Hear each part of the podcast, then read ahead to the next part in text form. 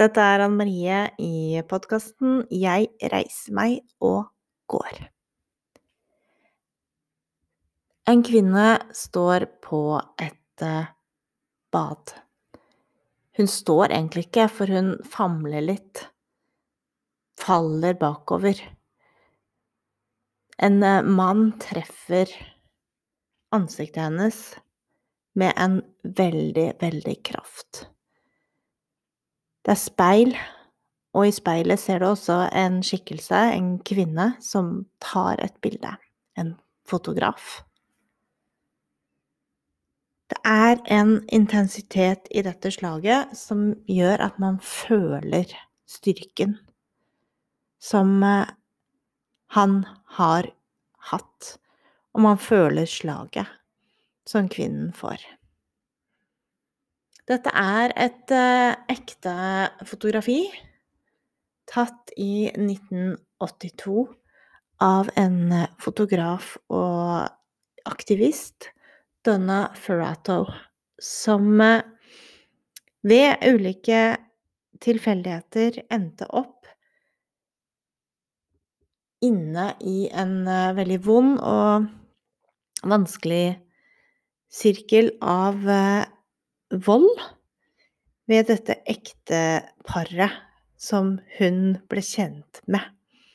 Det viste seg at en dokumentarserie hun skulle lage om noe helt annet, endte opp med en eh, dokumentasjon om vold i hjemmet.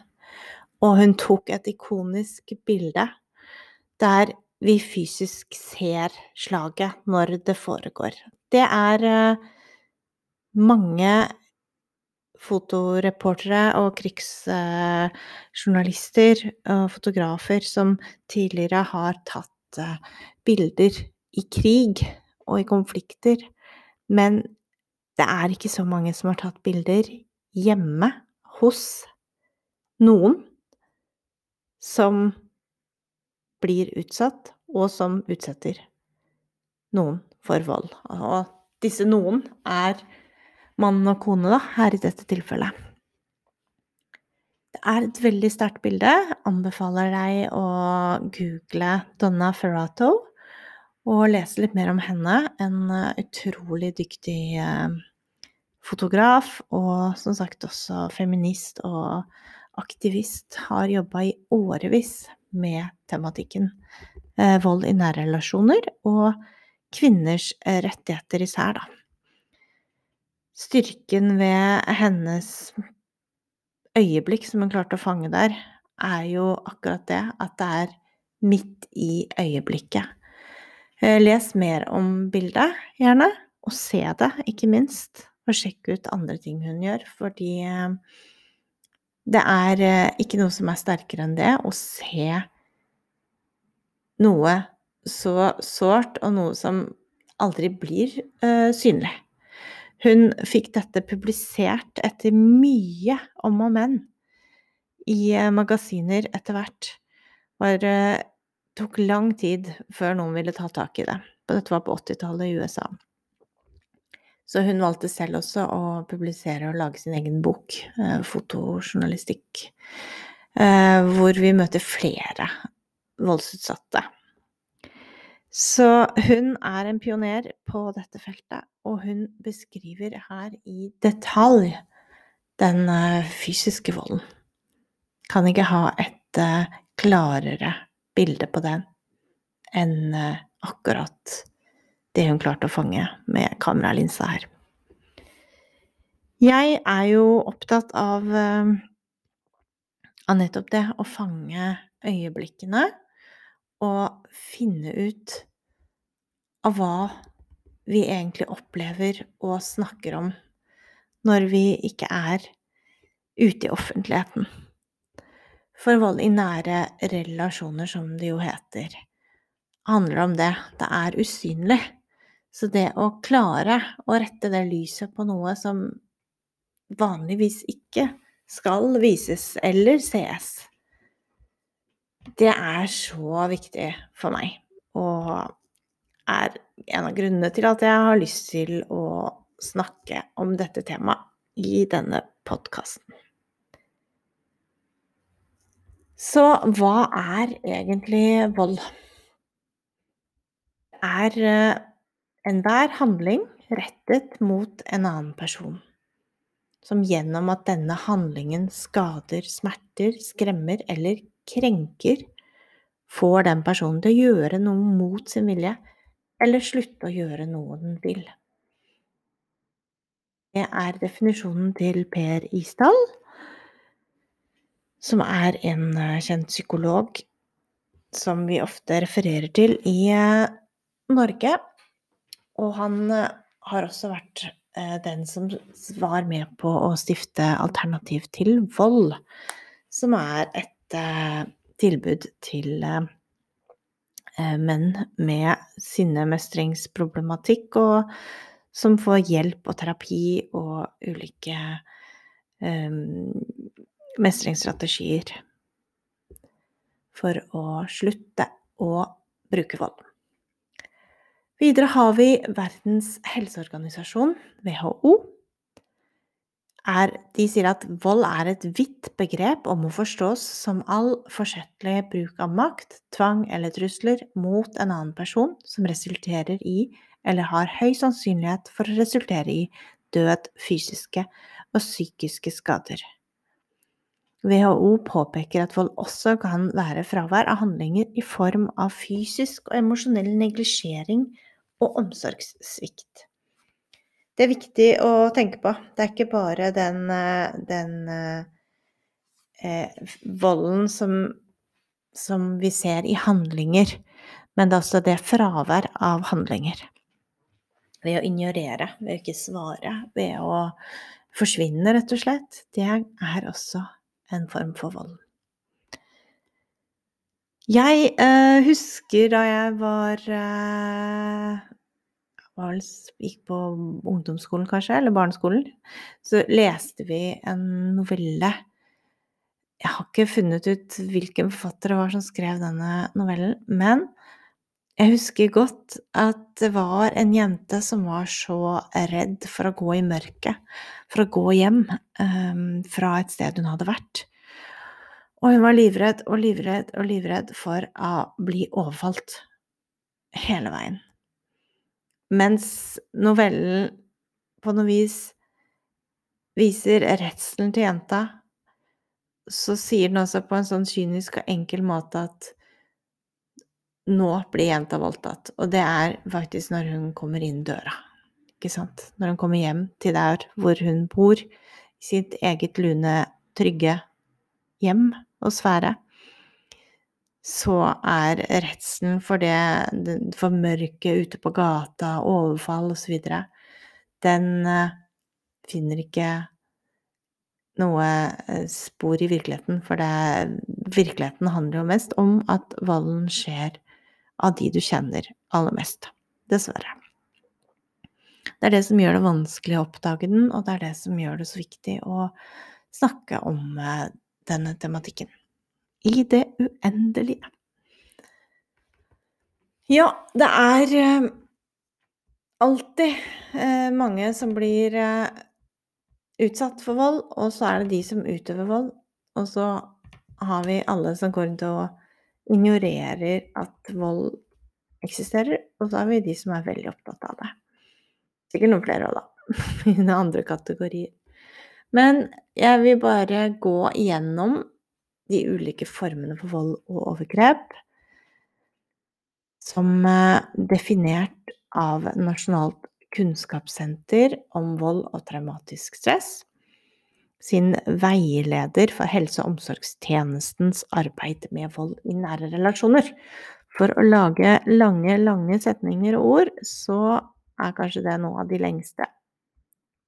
Men de sier at det finnes ulike former for vold og overgrep, som for eksempel fysisk vold. Alle vet jo hva et slag i ansiktet er. Men eh, fysisk vold er jo ikke bare det. Det kan også være at du holder noen nede, at du klorer, at du klyper, at du gjør andre ting som ikke bare går på en fysisk eh, slag, ikke sant. Vi har psykisk vold, Det forekommer jo sjelden eh, fysisk vold uten psykisk vold i et forhold. Det handler jo om kontroll, om mishandling, om manipulering, om langvarig eh, form for eh, nedsettende atferd, for avvisninger, for eh, gaslighting, som vi også kan kalle det. Som handler om å bevisst tåkelegge eh, og sette på en måte falske spor og minner og få den som blir utsatt for dette, til å tro at det er en selv det er noe gærent med, mens det i prinsippet er eh, den som utsetter deg for overgrepene, som manipulerer, lyver og styrer alt sammen. Vi har seksuelle overgrep.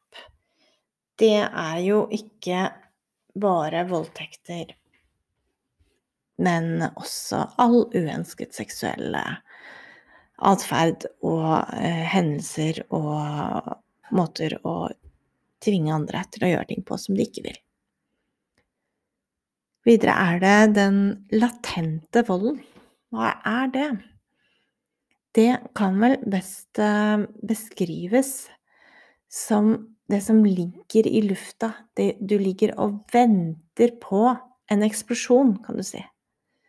Mens du venter på eksplosjonen, så er du redd, ikke sant, før det smeller. Og det smellet kan være enten eh, et slag, et fysisk slag, eller at noen kaster noe på deg. Det kan være at noen skriker til deg, skjeller deg ut foran andre. Eh, det er den frykten, den latente volden, for det som kommer, som er fysisk eller psykisk.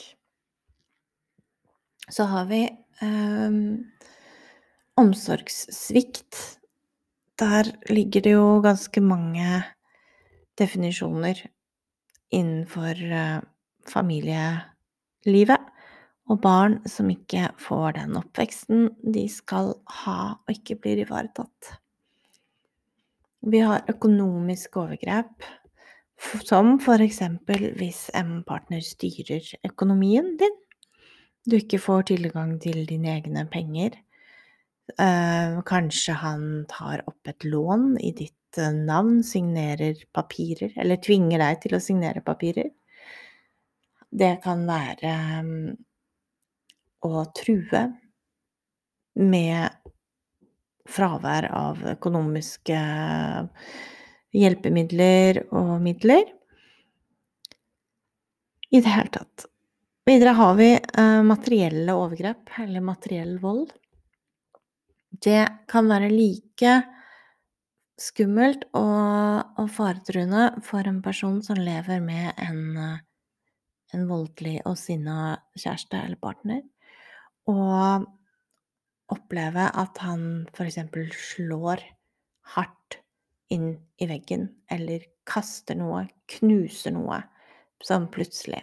Disse brå, aggressive, plutselige hendelsene, som er materiell vold, ødelegge noe, rive noe i filler og knuse noe, det er eh, ofte like skummelt og skadelig som å bli fysisk eh, slått, eksempel. Nesten en, en, litt sånn overgang til den latente volden, at du går og venter på at eh, den flaska som blir knust, også blir brukt til å stikke deg, ikke sant. Det går enda lenger hele tiden.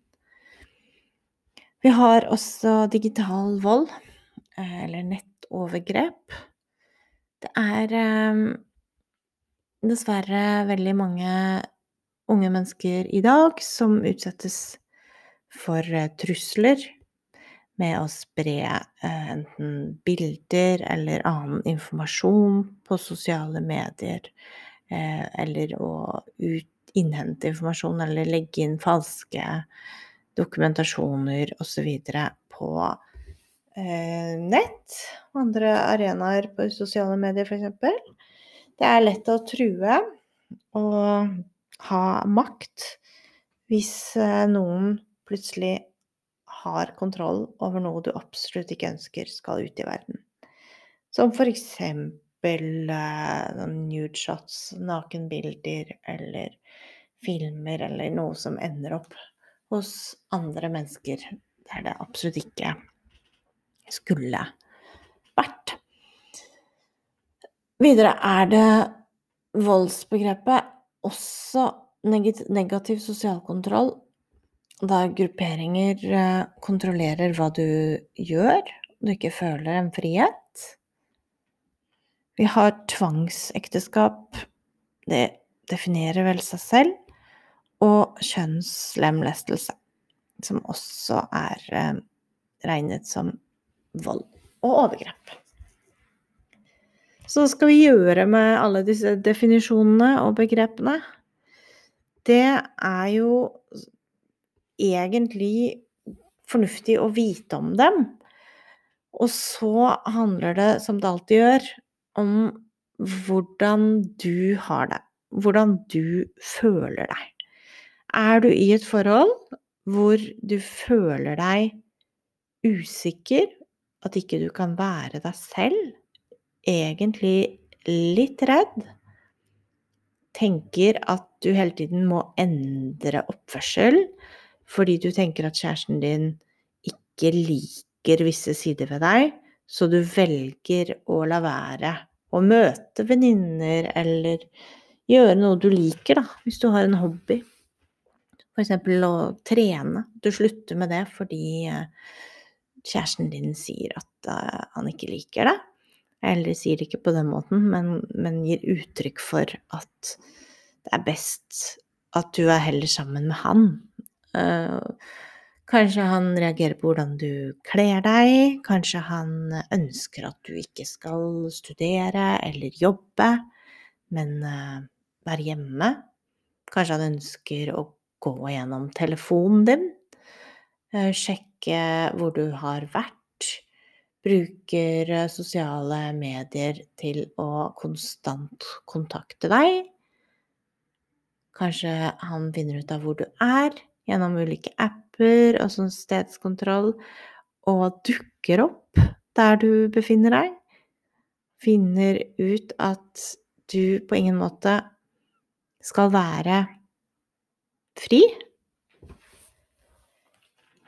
Hvis du opplever at du er redd for at han skal slå deg, at han har slått deg, at han dytter deg, at han truer med å dytte deg, at han sperrer deg inne, at han nekter eh, å la deg få tilgang til eh, vann, eh, mat, telefon, få møte andre mennesker. Alt dette er så klart vold, men det viktigste er jo igjen hvordan du har det. Hvis Du trenger ikke å være så ekstremt som det jeg sa nå heller. Det kan være det at du slutter med å gjøre ting du uh, følte, og alltid har følt at du elsker og liker å gjøre. Med en gang du endrer atferd av en annen person fordi du tenker at da får du fred, da blir det litt roligere hjemme. Samtidig som du vet at han har jo ingen krav til å bestemme hva du skal gjøre. Men du tenker allikevel at jeg orker ikke, for jeg vet at han begynner å bråke. Da er det helt klart masse grenser som har blitt overskredet. Og redselen og eh, håpet om endring og kjærligheten og empatien er jo ofte det som får oss til å pushe disse grensene og stadig akseptere mere og mere. Men jeg oppfordrer deg, hvis du er der at du er usikker på hvordan du har det, så kan du godt lese om ulike definisjoner av vold, og jeg skal snakke mer om hver og en av disse formene for vold i eh, senere podkaster. Men jeg anbefaler allikevel til å ta tid til å puste litt og kjenne litt på magefølelsen. Er du redd, da er det noe som er gærent. Hør og lytt til den. Snakk eh, med noen som eh, du stoler på. Spør om eh, de har opplevd endring hos deg, eller om de er glad i kjæresten din, f.eks. Eller om de også ser noen typiske varseltegn. Men snakk med de du stoler på. Ikke, ikke med hvem som helst. Det er ikke så lurt, det heller. Men vold er eh, dessverre et så, så vidt og, og bredt begrep at så lenge du føler at du blir invadert, så skal du lytte til det. Du skal ikke slutte å gjøre noe du elsker å gjøre. Og det er en del av definisjonen på vold. Når noen tvinger deg til, eller får deg selv til å slutte med noe. Fordi denne personen ikke respekterer deg. Det var eh, litt om vold og eh, definisjoner av ulike former for vold. Så jeg håper du fikk med deg noe nyttig. Og neste podkast blir en litt annen form for episode, så du får bare vente i spenning. Så kommer jeg tilbake til deg om en uke. Så ta vare på deg selv så lenge, og så høres vi. Ha det bra.